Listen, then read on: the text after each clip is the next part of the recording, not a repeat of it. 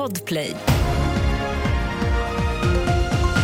Och här är senaste nytt från TV4-nyheterna. Vi börjar med att berätta att Greta Thunberg frias av en domstol i London där hon var ställd inför rätta för att ha stört ordningen under en protest utanför en oljekonferens förra året. Ytterligare fyra aktivister frias av rätten. Säkerhetspolisen har tagit över utredningen kring den, enligt våra uppgifter, skarpa handgranat som hittades utanför Israels ambassad i Stockholm i förrgår. Händelsen utreds som ett misstänkt terrorbrott, men det finns än så länge ingen misstänkt.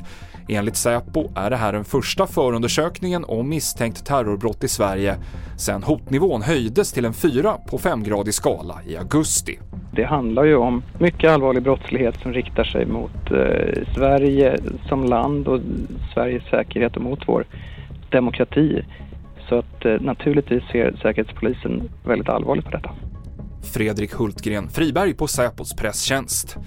SJ stoppar i april försäljningen av ombokningsbara biljetter på obestämd tid eftersom man ska byta bokningssystem.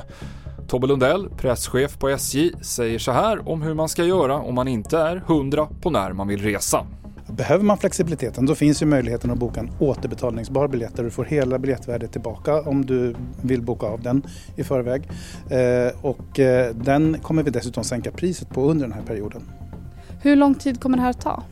Det är svårt att säga därför att vi måste först få våra system på plats. Sen kommer vi lägga krutet på att titta på våra flexibilitetsnivåer för framtiden. Till sist Afrikanska mästerskapen i fotboll där det Afrikanska fotbollsförbundet nu hotar journalister med att de kommer bli utkastade från matcher om de inte kan bete sig. Det här sker efter flera slagsmål på pressläktaren under matcher och överdrivet firande i samband med mål. Bland annat har ett klipp spridits på när en pressackrediterad man från värdnationen Elfenbenskusten dansar i bar överkropp på pressläktaren efter straffsegern mot Senegal i åttondelsfinalen. TV4-nyheterna i studion Mikael Klintevall.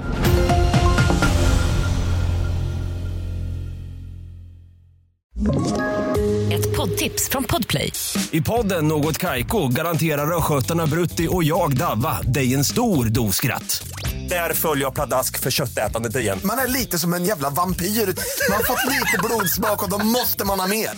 Udda spaningar, fängslande anekdoter och en och annan arg rant. Jag måste ha mitt kaffe på morgonen för annars är jag ingen trevlig människa. Då är du ingen trevlig människa, punkt. Något Kaiko, hör du på Podplay. Därför arkadeinerna.